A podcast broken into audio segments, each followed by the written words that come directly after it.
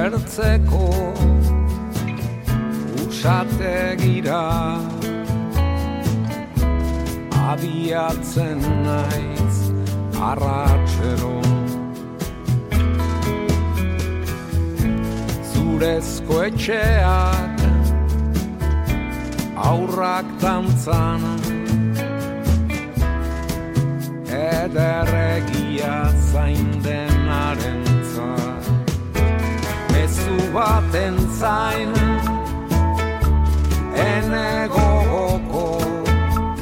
¿Qué tal estáis? Bienvenidos a la Casa de la Palabra. Celebramos un reencuentro con tres entrevistas emitidas en anteriores programas. Nuestro primer protagonista va a ser Juan José Benítez. Nos introduce en su libro La gran catástrofe amarilla. El célebre periodista y escritor navarro emprende su segunda vuelta al mundo. Lo hace en un crucero que le llevará por el Atlántico, el Pacífico, el Índico y el mar Mediterráneo. A mitad de la travesía llega la noticia de que la pandemia de la COVID-19 se extiende por todo el mundo. Los pasajeros comienzan a toser y quedan confinados en el barco o en un barco sin puerto que les acoja. JJ Benítez escribe un cuaderno de bitácora sobre esta travesía de rumbo incierto e inquietante y de ahí sale este libro, La gran catástrofe amarilla. Luego estaremos con dos invitados que llegaron al estudio en avión. Una entrevista que la realizamos en octubre de 2020 y nuestros invitados, pues sí, llegaron en avión y ellos son Antonio Alonso Soria, él es de Madrid, comandante de Aerolínea, y Lourdes Dalmau Bilbao, de Barcelona, sobrecargo. Son los autores de la novela Cuando volabas relatan una historia de vuelos transoceánicos de Europa hacia América, de aviones que sobrevuelan Siberia y sus motores se quedan congelados. Bueno, pues Antonio y Lourdes nos hablarán de la trama de la novela y de la forma de vida de los profesionales de los vuelos comerciales transatlánticos. Y para terminar estaremos con dos chirrindularis, con Íñigo Susao y Anya Suber. Han pedaleado en bicicleta desde Bilbao hasta la frontera con Turquía, con Irán. Estuvieron durante un año y cinco meses en tiempos también de pandemia, se quedaron atascados en Alemania, en la casa justamente de Anya Suber, y luego tuvieron que cambiar constantemente de planes, pero consiguieron llegar hasta el monte Ararat, en Turquía, y luego regresar a Bilbao. Ese es el contenido de la Casa de la Palabra. Ahora estamos con esa catástrofe amarilla, ese libro de Juan José Benítez, en el cual nos habla de cómo se quedaron en un transatlántico, pues hay parados, sin puerto que les acogiera. I need somebody help, not just anybody help. You know I need someone help. When I was younger, so much younger than today, I never, need, I never needed anybody's help in any way.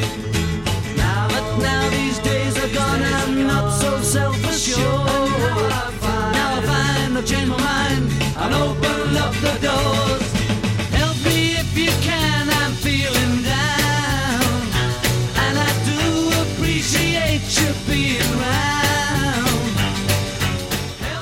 La canción Help de los Beatles.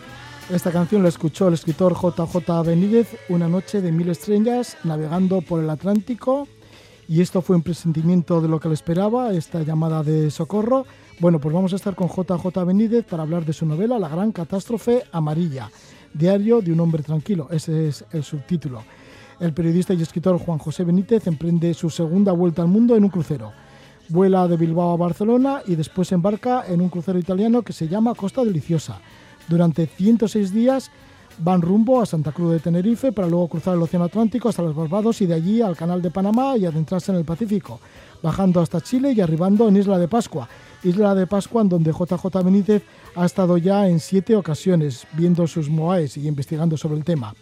El Costa Deliciosa sigue su trayecto, llega a las alejadas islas de Pitcairn en el Océano Pacífico, en donde se lleva a cabo el botín del Bounty. Luego tocará la Polinesia, Nueva Zelanda, Australia, Papúa Nueva Guinea. Bueno, la línea iba hacia dirección a Japón, incluyendo Nagasaki, Corea del Sur, el sudeste asiático, mm, para llegar al Mediterráneo. Pero resulta que el Costa Deliciosa, un buque de 292 metros de eslora, 33 metros de manga, se ve confinado y ahí se encuentra Juan José Benítez con su cuaderno con su bitácora y ahí se cuenta en este libro, en esta novela, bueno, novela o, bitácora o diario de un hombre tranquilo, como él lo dice, ahí se cuenta esta historia que se recoge en este libro, La Gran Catástrofe. Le damos la bienvenida a Juan José Benítez. Muy buenas noches, Juan José. Hola, ¿qué tal? Muy buenas noches, gracias. Bueno, ¿qué tal estás después de un crucero que parecía que iba a ser tranquilo, pero en el que estuviste enfermo y no salieron los planes según estaban establecidos? Bueno, pues ahora estoy un poco mejor, más recuperado. Sí, sí, porque esta era la segunda vuelta al mundo. La primera la hiciste en el año 2017 y también lo hiciste en un crucero de, parecidas... Sí, sí, sí. Eh, bueno, cruzando todos los océanos. Exactamente. Lo que pasa es que aquel crucero fue mucho más divertido y más, eh, no sé, más, alegre, vamos. Sí, a pesar de que es un largo viaje, un viaje de placer de tres meses y medio, pues no paras de escribir. Es que en ningún momento dejas de trabajar. Pues la verdad es que no. Parece que es una maldición, ¿no? Y, y nada, en el libro, en el crucero conseguí escribir otro libro y, nada, ahí sigo.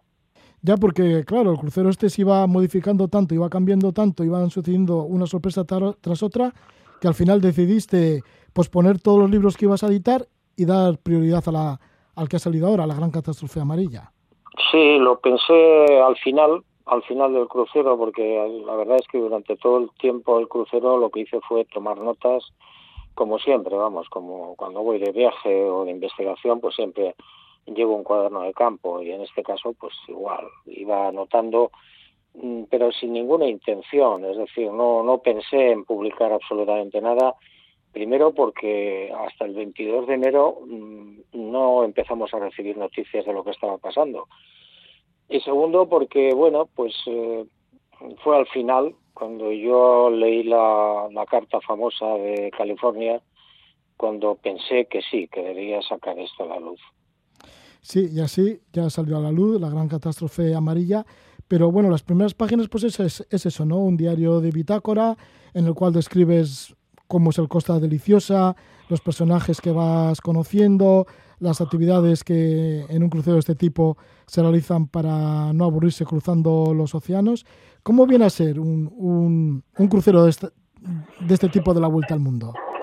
Bueno, pues si, si el crucero se desarrolla de forma, digamos, normal, pues es bastante instructivo, eh, tocas muchísimos países, aunque sea de manera fugaz, pero te da oportunidad de conocer otras culturas, de, yo en mi caso de hacer investigaciones del fenómeno ovni o de grandes misterios, eh, conoces a gente más o menos interesante, haces nuevas amistades, en fin, te relajas y tienes un, es un periodo en el que normalmente te oxigenas, ¿no?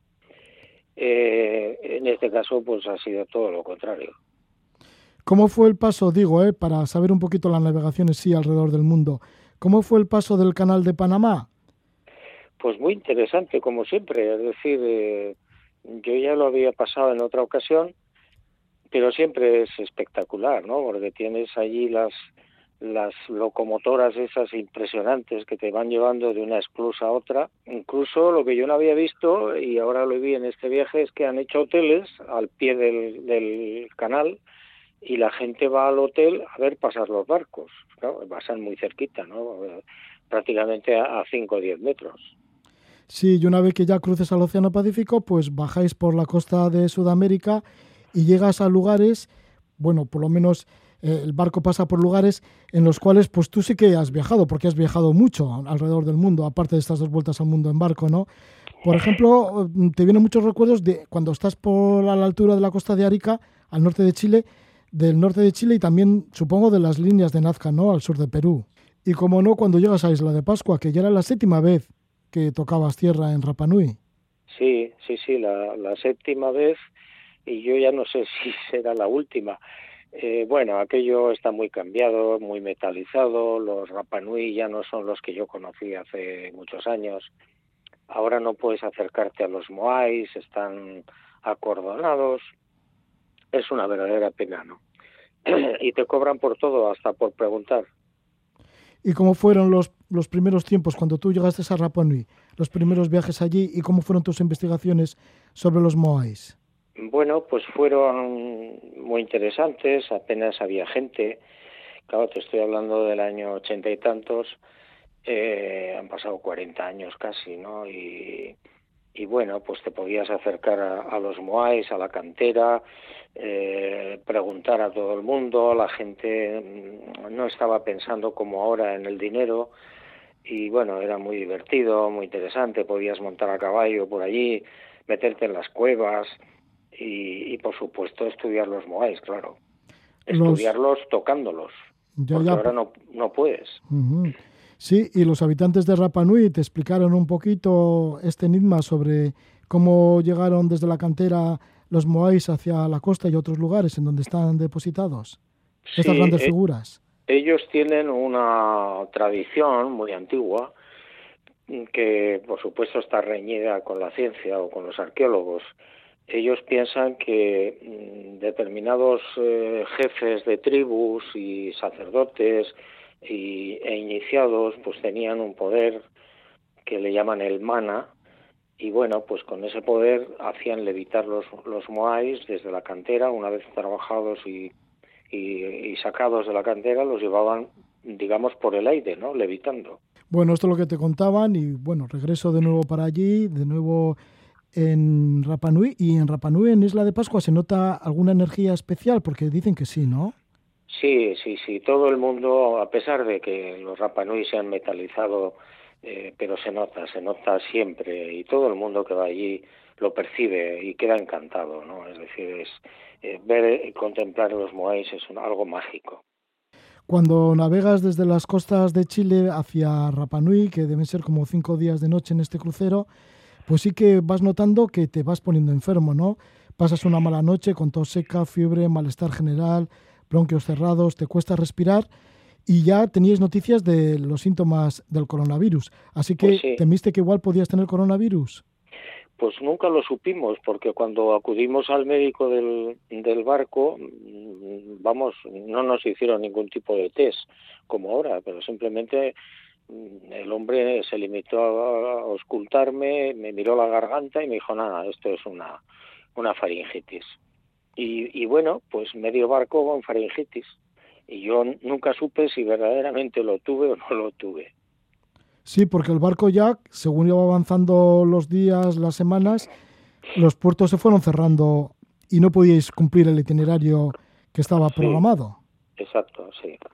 Eh, llegó un momento en que la, la pandemia ya se hizo generalizada y entonces bueno, la compañía dijo que no se podía bajar en Japón, que no se podía bajar en Corea del Sur, tampoco en Vietnam. Entonces, bueno, pues eh, ahí empezaron ya los problemas entre el pasaje ¿no? del barco porque la gente protestó, eh, empezó el miedo, eh, en fin, todo ese cúmulo de circunstancias y además pues no nos querían en ningún puerto, imagínate, pues 43 días sin pisar tierra, con lo cual los nervios se desataron. Estábamos en el barco ya encerrados y aquello pues empezaba a ser un pequeño desastre. Sí, pero sí que llegaste a Papete, ¿no? A Tahití. Sí, sí, sí, sí. Llegamos allí, sí. Estuvimos muy, muy pocas horas, pero nosotros ya lo habíamos visitado anteriormente. Pero bueno, siempre es interesante. Y luego también sí que tocasteis tierra en Nueva Zelanda. Sí, llegamos a Nueva Zelanda, estuvimos y luego mm, en Australia, que ese sí fue un problema porque estaba en alerta roja. Y sin embargo la compañía del barco, pues nada, dijo que sí, que podíamos bajar y yo creo que eso fue peligrosísimo. Sí, porque allí hubo más contagios quizá cuando volvisteis de nuevo al barco. Pues hombre, si está en alerta roja todo Australia, pues es que no se debería haber bajado en ningún sitio, ¿no? Por seguridad. Ya, bueno, y entonces, ¿Cómo, ¿Cómo fue el cruce del Océano Índico en esas condiciones? Pues ya te puedes imaginar, sin poder bajar en ningún sitio, llegando a puertos y manteniendo el barco a distancia para que entrara el combustible y, la comida, y la gente pues asomada a la borda, mirando eh, las descargas de la gasolina, eh, ya muy nerviosos todos porque la gente pues se quería bajar y se quería volver a su casa. El, crucero ya como tal no tenía ningún sentido porque lo único que veíamos era agua. Y empezaron los problemas, las protestas, la compañía no daba explicaciones. Bueno, pues ese pequeño desastre. Sí, y el barco era magnífico, ¿no? Porque un buque de 292 metros de eslora, 33 metros de manga, lleva tres motores de 35.000 caballos cada uno, el consumo medio es de 80 toneladas de gasoil al día. ¿Podía ese gasoil con el tiempo estar desabastecido? No, no hubo problemas en ese aspecto. ¿eh? Es decir, desde el punto de vista técnico, ningún puerto se negó a, facilitar el combustible o los víveres. Eh, eh, bueno, no había ningún problema, pues porque, como te digo, el barco se mantenía no, no amarrado a puerto, en algún caso sí, pero normalmente pues a, media milla de, de, tierra. Sí, como fue el caso de Isla Mauricio, ¿no? Que estuvisteis ahí pues alejados de tierra, pero que sí venía un barco y surtía de combustible a esta costa deliciosa. Sí, sí, exactamente, sí. Eh, desde el punto de vista técnico no hubo problemas, el barco era, es, es una maravilla, es un barco cómodo, grande, eh, tienes de todo, absolutamente de todo, o sea, eh, desde la capilla a, a, cines, pasando por el teatro, todo tipo de restaurantes, eh, bueno, de todo. Y entonces, ¿cómo fue el desembarco? ¿Cómo pudisteis desembarcar? ¿Qué puerto os dejó desembarcar? En Australia bajamos en varios puertos, en, en Sydney, en, en Adelaida, en bueno, en, en tres o cuatro, ¿no? Eh, en Perth ya no nos dejaron porque ya estaba todo desatado, ¿no? Y pero bueno, mm, yo fui a preguntar al, capitán, ¿no? En el barco y dije, bueno, ¿cómo es posible que permitáis eh, que bajemos en, en Australia si está en alerta roja? Y bueno, no, no me contestó el señor, ¿no? Bueno, pues en el libro, en la gran catástrofe amarilla, que vas comentando el diario de bitácora de todo lo que estabas escribiendo, de lo que sucedía en el interior de este crucero, pues también de vez en cuando pues te vas al pasado, ¿no? Y entre otras recuerdas cuando conociste a Neil Armstrong, el primer ser humano en pisar la luna. Sí, sí, sí, ahí hay un informe en, el, en la gran catástrofe amarilla, hay un informe que para mí es de lo mejor que te puedes encontrar en el libro, que es el informe del del, de la persona que, que se hizo amigo del hijo, de uno de los hijos de Armstrong, ¿no? cuando estaba en, la universidad en Nueva Orleans. Y entonces me cuenta, mm, porque claro, él se llevó una gran sorpresa cuando vio un documental que hicimos para Planeta Encantado, se llamaba Mirlo Rojo, donde yo contaba ya esta historia de los edificios en ruinas en la superficie de la Luna a este hombre le llamó mucho la atención porque Armstrong personalmente se lo contó a él y a cuatro personas más, a cuatro muchachos más, amigos de, del hijo de Armstrong. Entonces fueron a la casa de Neil Armstrong y estuvieron hablando con él sin cámaras, sin grabadoras y sin tomar notas. Y les explicó pues lo que vieron en la luna, las naves que le siguieron, las cuatro naves que estaban allí eh, a 30 metros del suelo cuando ellos andaban caminando por la, por la Luna y sobre todo lo que más le, le impactó a Armstrong y a Aldrin fue el edificio enorme que vieron y que filmaron. ¿Y qué es este edificio? Pues claro, nadie lo sabe. Es un edificio en ruinas, que por supuesto no, no es obra humana. Y claro, cuando Armstrong y el otro vieron aquello, llamaron a Houston y Houston como si, no sé, como no, dándole importancia, dijo, no, no, bueno, sigan ustedes recogiendo rocas del suelo y tal, y no se preocupen de ese tema. Y esto le, cabreó mucho a Armstrong, ¿eh? porque era la, noticia del, del vuelo, del viaje, ¿no? un edificio en la, en la superficie de la Luna, pero ¿cómo es esto? Bueno, pues ese, ese informe que está en, en la gran catástrofe amarilla, para mí es uno de los momentos más interesantes del libro. Sí, estamos hablando de la catástrofe amarilla de Juan José Benítez. Estamos con él. Nació en Pamplona en el año 1946, escribió en diversos periódicos y su firma fue muy conocida, por ejemplo en la Gaceta del Norte, en donde descubrió el fenómeno OVNI. Sí, exactamente. Y además estuviste trabajando en la hoja de lunes de Bilbao. También, también, sí, sí, sí. Ese fue el último periódico en el que yo trabajé como periodista en activo. Eh, sí, en el año 72 yo entré, ingresé en la, en la vieja Gaceta del Norte y estuve hasta el 79 ¿eh? cuando mataron a, bueno, lo mataron en el 78 a Portel, a José Mari Portel, que era mi jefe de local, y ya a partir de ese momento yo pensé que era mejor marcharse, mm, no, no tenía mayor interés ya en seguir en el periodismo. Y desde entonces, desde el año 1975, has escrito, o se han publicado 63 libros, has escrito muchos más, todavía están por publicar, y aseguras que tienes otros 200 proyectos, 200 libros en proyecto. Sí, que por supuesto no, no voy a poder cumplir, claro, porque a uno por año pues no me salen las cuentas. Pero sí, hay ahora mismo, si no recuerdo mal, unos 200 eh, proyectos de, para, para libros. Cuando estabas en la Gaceta del Norte, pues eras muy leído, ¿no? Pues acudíamos a leer todo esto del fenómeno OVNI, que por aquel entonces, pues sí, fuiste uno de los descubridores. Sigues con el tema y además, por ejemplo, en la gran catástrofe amarilla, eh, estás muy preocupado con, con ello, con el fenómeno OVNI, y siempre tienes eh, a gente que te cuenta algo, algo, ¿no? Que siempre te da sus testimonios. Sí, sí, siempre. Bueno, yo sigo investigando constantemente. Ahora, en estos momentos no, porque es muy difícil ponerse a viajar, ¿no? Pero pero sigo, sigo investigando. Yo tengo ahora un tema espectacular en México que lo empecé hace dos años, la investigación, y bueno, lo he tenido que interrumpir, pero espero que dentro de poco pues podamos ya respirar un poco. ¿Y no te defrauda algunas veces algunas de esas experiencias que has pensado que podían ser ciertas y que luego no, no lo han sido? Hombre, algunas sí, por supuesto. Eso es normal en la investigación. No siempre las cosas salen bien. Pero bueno, no son tantos, eh, no hay tanto fraude eh, como la gente piensa, para nada. ¿Y cuál puede ser tu teoría? Digo, a estas alturas ya de bueno, pues el 2021. Imagínate, voy a cumplir 50 años en la investigación en el 2022 y ahí, bueno, pues tengo la, absoluta seguridad de que son muchas civilizaciones que no son humanas, que nos visitan y que nos visitan desde tiempo inmemorial.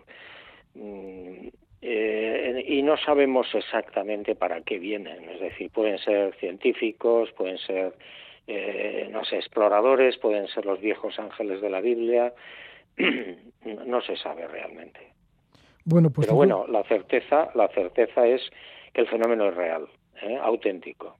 Bueno, pues hay 50 años en la investigación. Juan José Benítez, periodista navarro, ahora mismo te encuentras en Bilbao, en donde ejerciste de periodista durante bastante tiempo. Muchísimas gracias y ahí queda este libro, La Gran Catástrofe Amarilla, que lo edita Planeta. Gracias, Juan José Benítez. Muy bien, muchas gracias a ti. Gracias.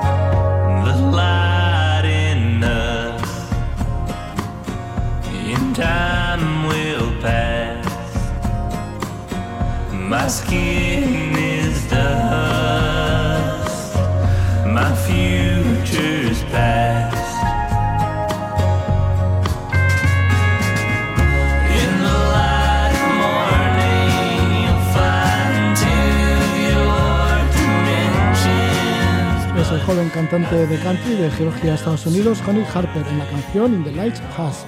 Vamos a hablar de volar, de una novela que cuenta la historia de la navegación en, en diferentes aventuras que han tenido diferentes pilotos, comandantes de aviación, también el resto de tripulación, para conocer un poco la forma de vida de los pilotos y de los sobrecargos, de las azafatas, pues está esta novela, Cuando volabas.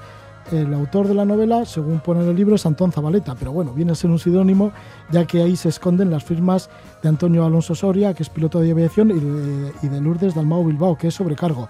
Le damos la bienvenida a Lourdes Dalmau. ¿Qué tal estás? Muy buenas noches. Buenas noches, Gabón, Roger. Gabón. Y también estamos con Antonio Alonso Soria. Gabón, Antonio. Buenas noches, Roger, Gabón. Bueno, que tenéis que tener mucha vocación, ¿no? Para volar y para estar en vuestra profesión. Hay que decir que, por ejemplo, Antonio Alonso Soria, naciste en Barcelona, eres aviador, piloto comercial, que llevas 33 años volando en una compañía aérea y antes de entrar en la compañía aérea comercial, pues estuviste haciendo de piloto de avionetas, llevando palcantas comerciales, también en aerotaxi, en extinción de incendios, en cargueros de, paquete, de paquetería, también volando para hacer cartografía. O sea que supone mucho, ¿no? Llegar a, a volar en una compañía comercial, por lo menos para ti. Bueno, sí, la verdad es que tuve suerte de hacer todo ese recorrido que, que has comentado. Ya me queda poquito, pero, pero tuve mucha suerte. Empecé joven en el tema, era una... Era, era, un sentimiento, una pasión, un, enamoramiento ya casi de, de, muy jovencito. Yo no tuve la duda de cuando te preguntan a qué te vas a dedicar, qué vas a hacer, cuando, la típica pregunta cuando eres niño, ¿no?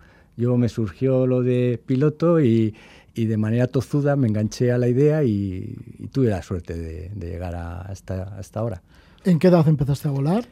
Pues eh, mi primer vuelo fue a los 20, Yo, en, una, en una avioneta fue a los 20 en el Aeroclub de Sabadell, luego conseguí entrar en el Ejército del Aire, pues con muy poco éxito, porque la disciplina no, lo, no la termina de encajar. bueno, pero tú hacías lo, lo, que fuera posible para entrar a ser piloto de, claro, de aviación claro, en una el, compañía comercial. El objetivo era ese, el objetivo era ese. Lo que pasa es que las vías ante, ante, antes eran o el ejército o, o, o, ser de una familia pudiente, muy pudiente. y, y, bueno, no era mi caso, así que me tuve que aferrar al, al ejército y claro, era un contrato con el ejército de 15 años y terminabas y yo a los tres meses ya, ya no aguantaba más. Reconozco que, que, siento admiración por el ejército, ¿eh? no es una crítica, sino que yo no, no, encajaba en ese perfil. Sí, pero sí que luego estuviste, por ejemplo, en, en extinción de incendios y todo pilotando un avión. Sí, sí, porque anti antiguamente, estamos hablando de hace 30 años, para entrar en una compañía aérea te pedían 1.500 horas, eh, no podías entrar con menos de, esas horas. Entonces, eh, la única manera de hacerlas era pues, en los trabajos eh, que yo calificaría de penosos de la aviación, que es arrastrar pancartas de publicidad por la playa, que es eh, extinción de incendios, que es fumigación, que era, eran trabajos pues, pues francamente arriesgados donde había muchos accidentes. Para luego entrar en una compañía aérea, de, de, la cual pues llevas ya 33 años volando. ¿Y ahora ya no es tan peligroso? ¿Volar eh, llevando a tantos pasajeros? No, no, no, afortunadamente... Cruzando los bueno, océanos y... Porque claro, soléis ir normalmente hacia América, ¿no? Eh, sí, sí, sí, nuestra compañía tiene el mercado fundamentalmente en América, del norte y del sur y Centroamérica. Sí, sí. Y ya no es tan peligroso. Ni mucho no, menos. no, ni mucho menos. Eh, los aviones son máquinas perfectas. Es que hay que proponer estrellárselos para que aquello falle. Desgraciadamente hay algún, algún accidente inexplicable de vez en cuando, pero, pero la seguridad de los aviones, o sea, si hay un accidente se investiga todo, hasta el descanso de las tripulaciones, el tiempo que pasaron hablando por el móvil, el tiempo que pasaron en descanso en, en, en el hotel, eh, se investiga absolutamente todo y luego se, sale un estudio y, la, y las las tripulaciones, el resto de las tripulaciones del mundo practican ese accidente que ha pasado para que no se vuelva a reproducir. Lourdes, ¿y cómo te metiste? Bueno, al principio que fue azafata y luego has terminado de sobrecargo, que, eres, sí. que es como la jefa de las sí, azafatas, ¿no? Sí, al final me, me, metí de casualidad, porque yo estaba estudiando Bellas Artes, que como no tenía nada que ver. Eh, siempre me ha gustado viajar y, y me llama mucho la atención los aviones mucho. Y, pero bueno, estaba ahí, había aprobado todas las asignaturas, estaba aburrida, vi la convocatoria en el periódico y me presenté y pensé esto será transitorio. Pues no lo fue porque llevo más de tres. Sí, sí, sí, al final se hace un modo de vida porque engancha un poco el volar, engancha. Si te gusta, si te gusta volar y te gusta los viajes, pues, pues es muy reconfortante. ¿Qué es lo atractivo entonces? Conocer diferentes países, sí. diferentes culturas, muchas gentes que hoy estás, yo que sé, en, tu caso en Madrid, pero de repente puedes aparecer en, Ecuador.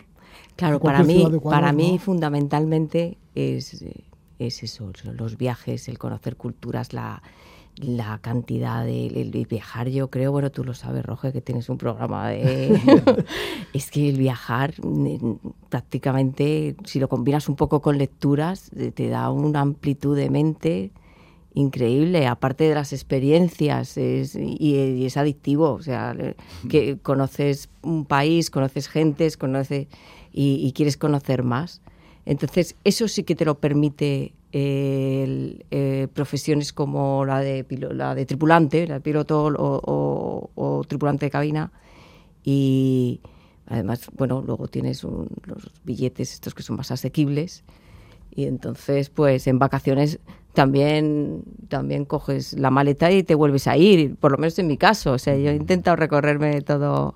Lo más duro seguramente resultará estar metido tantas horas ahí en un pequeño espacio como es un avión y compartiendo con tanta gente. Claro, efectivamente. tienes que estás pendiente de todos ellos. Sí, hombre, como, Que pueden ser 200, 300 personas, 400. Sí, nosotros vamos, tenemos, ya no te digo el, el, gran avión este, el 380, que es ese mamotreto volante, que no sé cuántos van ahí, van 500. Sí, eso la nosotros llevamos 360, 300, cuando va completo el avión grande. 360. Y ya estarás acostumbrada, ¿no? Que seguramente, bueno, la mayoría seguro que se portan bien o nos portamos bien, más o menos. En mi caso no lo sé. Pero bueno, que seguramente que dices, bueno, ya seguramente, seguro que hay alguno que... Sí, O que tiene miedo, o que tiene fobias. Mm, claro, siempre O que toma demasiado alcohol, por si acaso. Sí, el alcohol es que viene bien porque relaja, pero claro, en exceso pues te puede montar ahí un lío.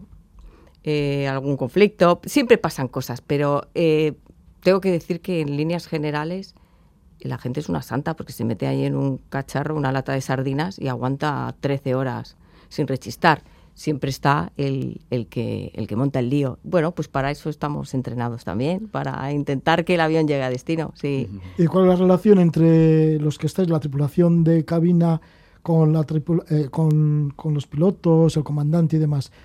¿Cómo es la comunicación que tenéis entre vosotros? Eh, la comunicación e, es, es, buena, se intenta que sea lo más fluida posible, porque eso va en, en, favor de la, de la seguridad, aunque parezca mentira, de la seguridad en vuelo, porque si hay una buena comunicación, todos sabemos lo que está pasando en el avión y, y se, puede, se pueden anticipar incidentes. Puedes decir, por ejemplo, al comandante, en este caso Antonio, oye, que hay alguna parte de la tripulación que se está poniendo nerviosa.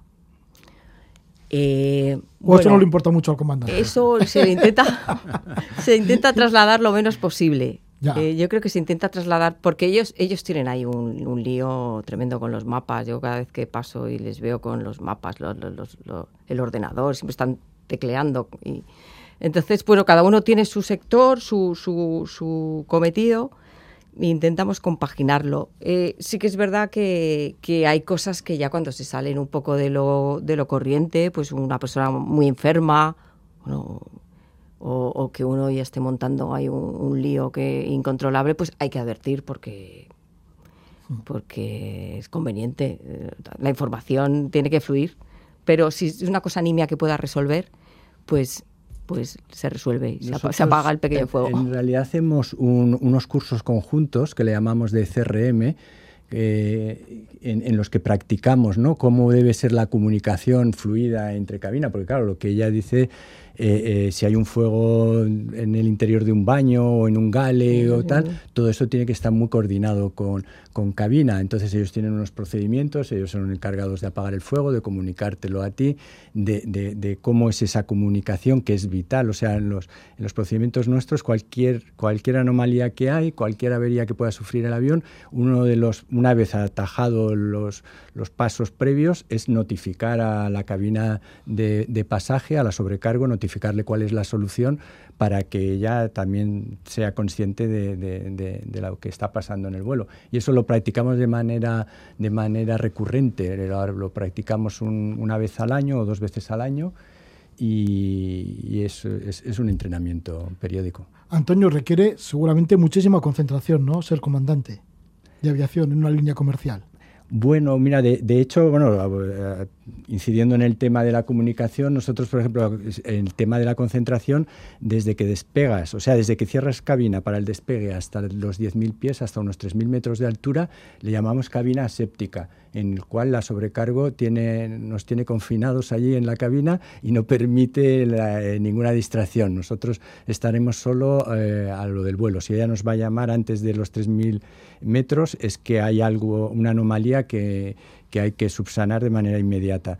Entonces, ahí sí que, en, tanto en el despegue como en el aterrizaje, luego en el aterrizaje también de, 10.000 pies para abajo, para el suelo, otra vez cabina séptica y solo la sobrecargo puede entrar en comunicación con nosotros mm, para que nosotros mantengamos la, concentración y la seguridad en la aproximación. Y, la concentración, pues bueno, también es verdad que vamos descansados, que vamos tres o cuatro pilotos eh, para distribuirnos el trabajo. Y, bueno, es una cosa que no pesa, ¿no? También es, una cosa que es, cuestión, vamos, la tenemos totalmente asimilado. Si haces algo que te gusta, pues no, no, no, es tan exigente. ¿Cómo se ve la Tierra desde el aire? Vosotros que tenéis esa amplitud de horizonte ahí desde la cabina. Oye, no sé. Pues eh, bueno, se ve, se ve. Digo, a veces parece que se quedan los problemas allí en tierra. Cuando, cuando todo va bien. Eso desde luego, sí, sí. sí. Hombre, de... ahora ya subo por arriba y ahí se queda. Una especie de terapia, ¿no? Despegas. Lo que pasa es que luego tienes que volver y a lo mejor el problema ha crecido. ya, ya, ya. Pero suele pasar y luego también tiene que ser bonito ver el mundo desde arriba, ¿no? Hombre, tenemos unas vistas eh, preciosas, claro. Tienes unos amaneceres, unas puestas de sol, una... Bueno, todo el mundo te pregunta si has visto los ovnis y tal, ¿no? Probablemente siempre hemos visto estrellas o reflejos en la, en la ionosfera o cosas... Eh, porque, bueno, hablando de, ovnis es lo que comentábamos con Lu, que siempre los ven los mismos. Desgraciadamente siempre los ven los mismos compañeros. Yo no he visto ninguno. ¿no? Entonces, ¿Qué son los que tienen más fantasía o yo qué pues, sé? Probablemente, no lo sé. Yo, no, he visto ninguno.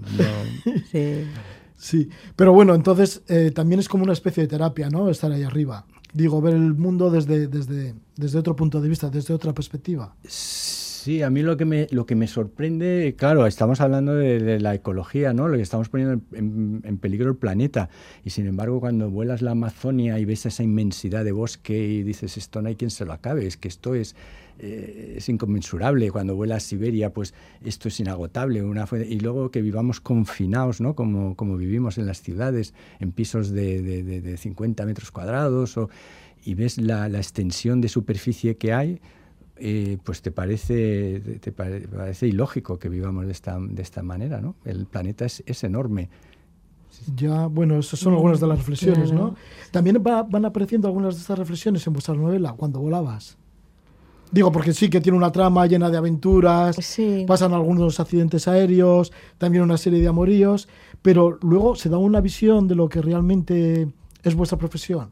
Yo creo que se da la visión, la parte menos Mm, menos glamurosa y más, más real, porque sí que es verdad que como comentábamos antes, muchas veces te vas a trabajar, te vas de, viaje, te vas a volar y son cinco días fuera de casa, estás dejando problemas, pero a veces estás dejando la cena de Navidad porque te ha tocado volar fuera o, o deberías estar porque tienes a un familiar enfermo o tu hijo se encuentra se encuentra mal o, tiene la... O sea, dejas, dejas mucho atrás, sobre todo cuando vas creando familia. De joven todo es más fácil, más aventura, pero si quieres crear una familia o cuando ya tienes una serie de responsabilidades, pues, pues a veces es muy difícil y otras veces, en cambio, pues es balsámico, porque... bueno, pues te apartas un poquito, un ratito, haces un Kit Kat con, ¿no? con tu vida y llegas con nuevas energías o a lo mejor se te ha ocurrido alguna solución por el camino. Entonces, eso se cuenta, eso se cuenta en la novela, claro que sí, se cuenta para que se vea que, bueno, pues la, vida, los pros y los contras, ¿no? Los claros oscuros de, la, profesión. En la novela además se habla de accidentes, bueno, también más bien igual de incidentes, ¿no? Entre ellos, pues por ejemplo, eh, comienza la novela con, un aterrizaje forzoso. Sí, es, un, un, avión que despega de Buenos Aires a Madrid y entran en, eh, en, una nube volcánica, un volcán en erupción en la cordillera de los Andes, el Maipó, empieza a echar lava y, y nube y cenizas y se les, se les paran los motores. Entonces, eh, afortunadamente aterrizan, como ha sucedido eh, de manera real, aterrizan en un maizal, no hay ninguna, ningún herido, salvo el comandante que vuelve al avión a recoger una documentación y, acaba herido. Y entonces una serie de flashbacks en el hospital, de a base de los familiares y de los colegas y las visitas que recibe, da un repaso a, toda su, su, vida, tanto profesional como, como familiar junto con, porque esa vida transcurre en paralelo con los otros dos protagonistas, con Beatriz y con Tommy. Y, es, una, es una cosa muy frecuente en nuestra, en, nuestra profesión, que tu vida transcurre en paralelo con compañeros. Eh, cambias de flota, vas con unos compañeros, cambias, haces líneas con los mismos compañeros. Eh, y, eso pues, es lo que hemos reflejado en, en el libro. Hay muy poca parte técnica, porque así el, lector puede no tiene por qué conocer el mundo ni, la, ni, la, ni el vocabulario aeronáutico, es totalmente asequible. Es la parte técnica es de un 20% y el resto es sentimiento puro.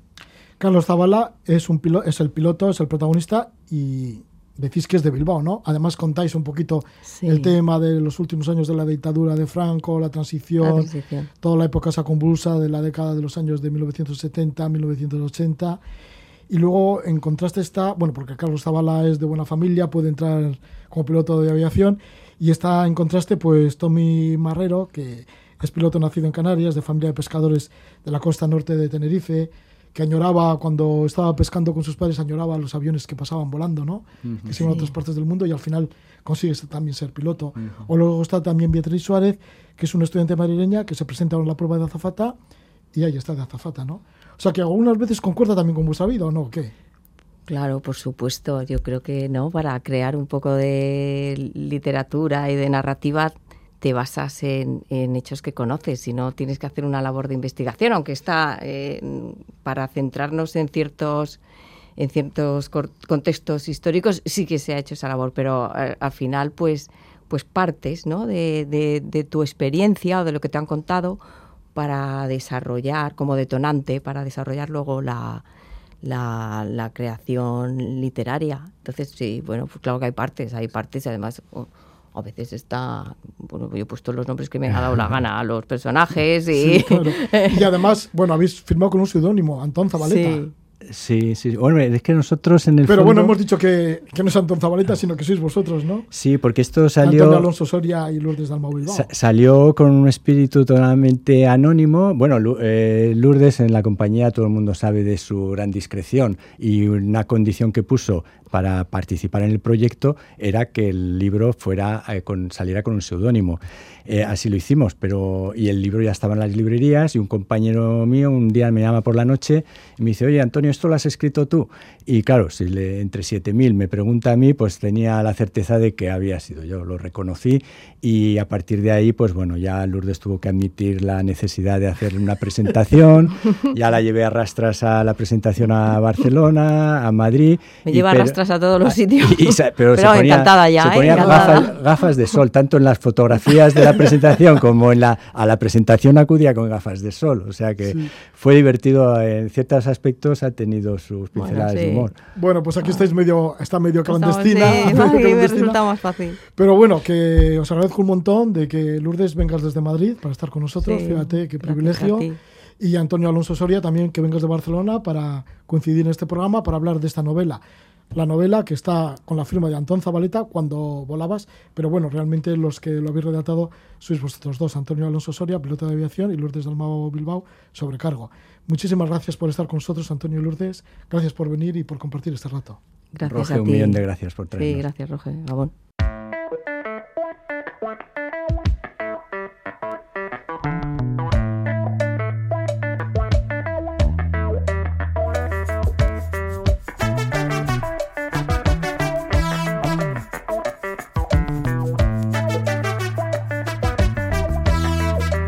Música del grupo turco Altin Gun. Eh, su disco se llama Jol y enseguida nos vamos a acercar a Turquía y lo hacemos en bicicleta, desde Bilbao hasta Turquía y justamente casi hasta la frontera con Irán. Enseguida estamos con Íñigo Suso y con Anya Schubert. Nos van a comentar brevemente su aventura.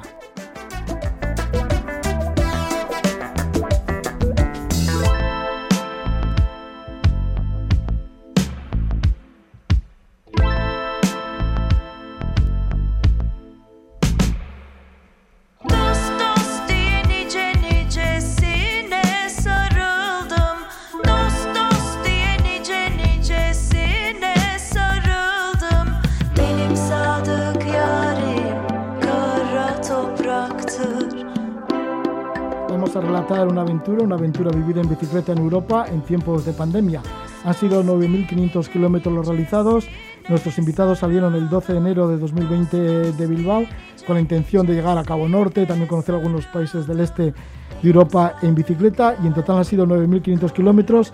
Finalmente la pandemia les salió en Magdeburg, que es la localidad de nuestra invitada, Dania Suber, y allí tuvieron que estar retenidos durante varios meses y al final no llegaron a Cabo Norte, pero sí que se fueron por Europa hasta llegar a pasar a Asia y llegar a Turquía. Le damos la bienvenida a Ania Suber. Bienvenida, muy buenas noches. Ania. Hola, buenas. Que eres de Alemania, de esta localidad, de Magdeburg. Magdeburg. Sí, vives en Bilbao. Das clases de alemán, ¿no? En Bilbao.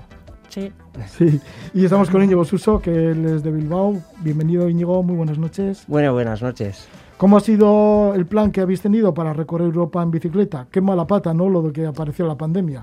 Sí, pero bueno, yo creo que tiene dos partes, ¿no? Mala pata, pero a la vez eh, hemos podido disfrutarlo también, sin turistas, eh, ha sido, hemos podido viajar sin tener un confinamiento total. Entonces, pues bueno, eh, tiene dos partes, yo creo. Anya, ¿y por qué querías conocer Europa en bicicleta? Porque antes de partir tampoco habías andado mucho en bici, ¿no? No, pero siempre me gustaba viajar y tenía curiosidad de conocer los países del este y Turquía también, aunque no estaba al principio en el plan, pero me alegro de que haya sur- surgido. Sí, sí. Y tuviste puntería, ¿no? Porque justamente el confinamiento llegó la alarma sanitaria cuando llegaste a la localidad de Manderburg, que es tu localidad, Sí. donde eres Sí. natural de allí. Con esto teníamos muchísima suerte, que justo una semana después, después de llegar ahí, pues cerraron todos los países y nosotros por lo menos teníamos una casa y tampoco un confinamiento tan estricto como aquí. Es curioso porque luego a la vuelta, después de muchos meses, cuando estabais regresando, también os quedasteis en Suiza Ujú. porque ahí vive una hermana tuya. Eso es. Así O- que también otra vez suerte. Otra vez suerte, ¿no? Porque librasteis de otro confinamiento duro y, y en una casa de un familiar. Eso es. ¿Y cómo fue lo de Suiza? Pues muy bien. Am, llegamos ahí en diciembre con la intención de quedarnos un mes hasta las eh, Navidades. Y al final, pues se alargó un poco, pero teníamos así la posibilidad de conocer el país en invierno con toda la nieve, las montañas eh, de los Alpes. Es, o un- sea, es espectacular ver los Alpes Sí. nevados, ¿no? Y que esté nevando. Y está también con, con la familia y Eso la es. sobrina recién nacida. Sí, que además eso coincidió también que ha nacido tu sobrina Sí. allí, en Suiza, en donde vive tu hermana. Y luego ha sido muy motivante también los paisajes que habéis ido descubriendo por toda Europa. Ha sido in- increíble. Ha sido, yo tengo siempre me ven los recuerdos, ¿no? Los Cárpatos centrales de Rumanía, ¿no? Esas, esos terrenos planos que nos hemos encontrado en Turquía, eh, el verde de Chequia, de Eslovaquia, Bulgaria, la tranquilidad de gente. Los bosques Eh, otoñales de Bulgaria. Eso es. O de sea, los increíble, la verdad. que Balcanes. es- es- Entrar a Turquía rompió un poco también eh, el esquema que llevabais de, pues, de Europa y así. Digo, porque os acercabais ya tanto así. Eso es, sí, te encuentras con un cambio total de religión, eh, te encuentras con un cambio de, de, pues, eh, de persona, ¿no? Esa forma de, las formas de ser, las costumbres. Eh, es un cambio, cambio radical. Para nosotros, por lo menos, así fue. La gente es mucho más abierta, más curiosa, te invita más rápido. O sea, sí. aunque en, en Europa haya muy buena gente y también eh, muy acogedora, siempre hay gente también que está un poco más distanciada. O nosotros en sí también son, somos más distanciados. Pero ahí en Turquía es como Como si te conocieran de Sí. siempre. ¿Y, y cómo, ¿Y cómo lo habéis hecho por Turquía? Digo que una vez que habéis entrado en Turquía, sí, porque tomasteis una ruta bien distinta a lo habitual, ¿no? Os fuisteis por el centro del país, Eso por la zona de Anatolia, que es como más árida, es. igual no es tan visitable como otras. Efectivamente, al final las, las zonas turísticas de, de Turquía son el norte y el sur normalmente y nosotros decidimos ir por el centro. Eh, el centro te encuentras con gente que normalmente no está acostumbrada a ver turistas en bicicleta, ¿no? Entonces es como, bueno, mucho más auténtico todo. ¿Cómo es la visión del Monte Ararat? Porque llegasteis hasta el Monte Ararat.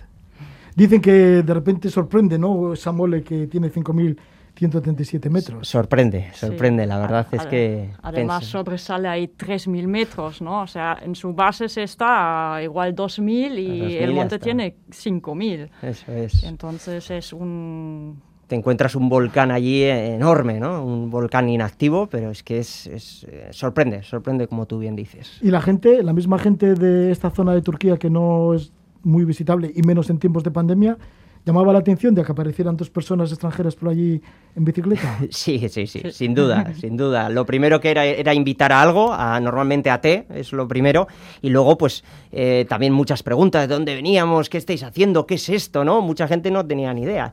Y, y sí, era como, la verdad, muy, muy, muy agradecido todo, muy, muy interesante. En general, no solo en Turquía, sino en el resto de Europa, también habéis sido acogidos a la noche en diferentes lugares, porque claro, ibais con el equipaje, con bastante equipaje, ¿no? Unos 50 kilos llevabais en la bicicleta cada uno, y llevabais la tienda de campaña, el hornillo y demás, pero ¿siempre ha sido camping o también habéis estado en hogares? Nosotros normalmente la idea era vivaquear, ir con tienda de campaña y dormir en donde sea, pero sí que es verdad que hemos estado con la aplicación de, de One de Shower. Warm Showers que contactamos con gente y um, nos acogieron también.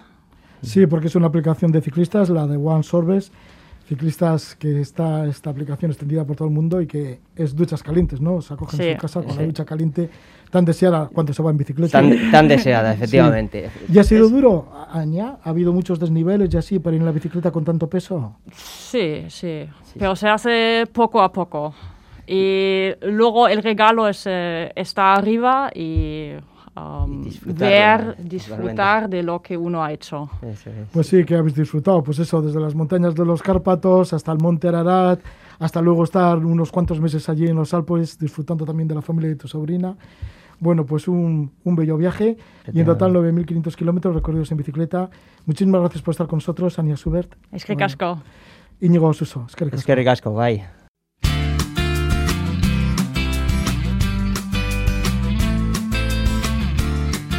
Íñigo Suso y Anya Suber que por fin llegaron a ver el Monte Ararat en su bicicleta y además regresaron al lugar de origen, a Bilbao.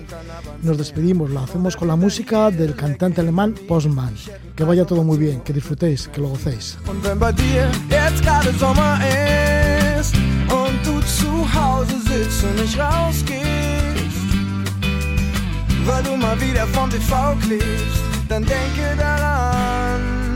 Wenn der Tag dich verliert.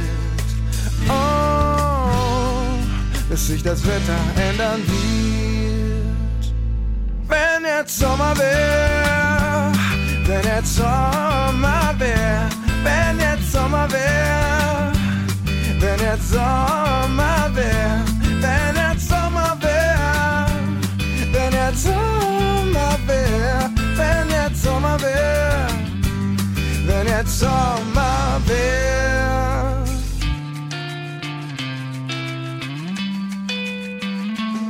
Wenn jetzt Sommer wär in meiner Heimatstadt, dann würde ich raus aus dem Hof und dann ab aufs Rad. In die Batze fahren und vom Dreier springen und nachts auf der Straße Jack Johnson singen. Und wenn bei dir jetzt gerade Sommer ist und du zu Hause sitzt und nicht rausgehst, weil du mal wieder vom TV klebst, dann denke daran, wenn der Tag dich verliert. Oh, oh, dass sich das Wetter ändern wird. Wenn jetzt Sommer wär, wenn jetzt Sommer wär, wenn jetzt Sommer wär, wenn jetzt Sommer wär, wenn jetzt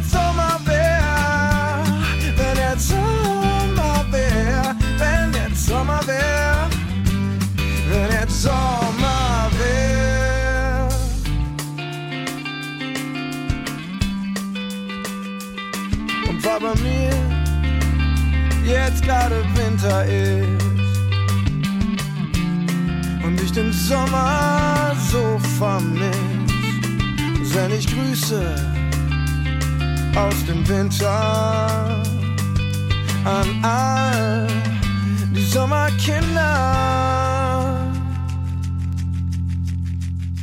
Wenn jetzt Sommer wird, wenn jetzt Sommer wird, wenn jetzt Sommer wird, wenn jetzt Sommer wird.